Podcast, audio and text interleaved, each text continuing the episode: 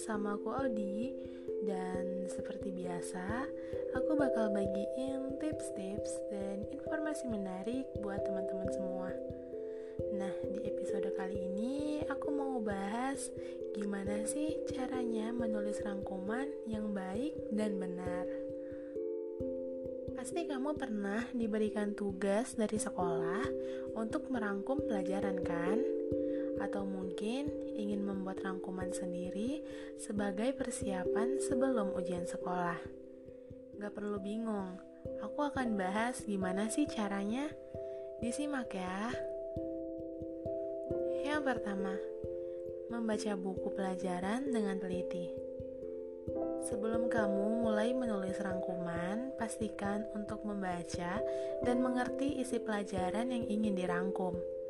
Jika kamu sudah mengerti, maka kamu akan tahu bagian-bagian mana yang penting untuk ditulis di rangkuman.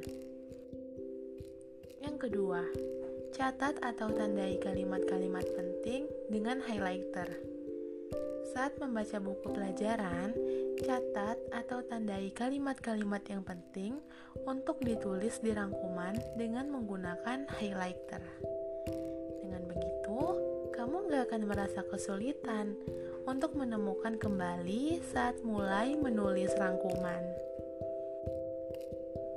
Yang ketiga, urutkan kalimat-kalimat penting sesuai dengan urutan di buku pelajaran.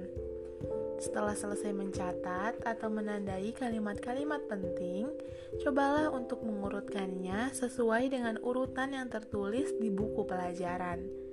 Dengan urutan yang sama, kamu akan lebih mudah untuk mengingatnya. Dan yang terakhir, gunakan bahasa sendiri yang mudah dimengerti. Mulailah menulis rangkuman dengan menggunakan bahasa kamu sendiri. Gak perlu mengikuti bahasa yang ada di buku pelajaran.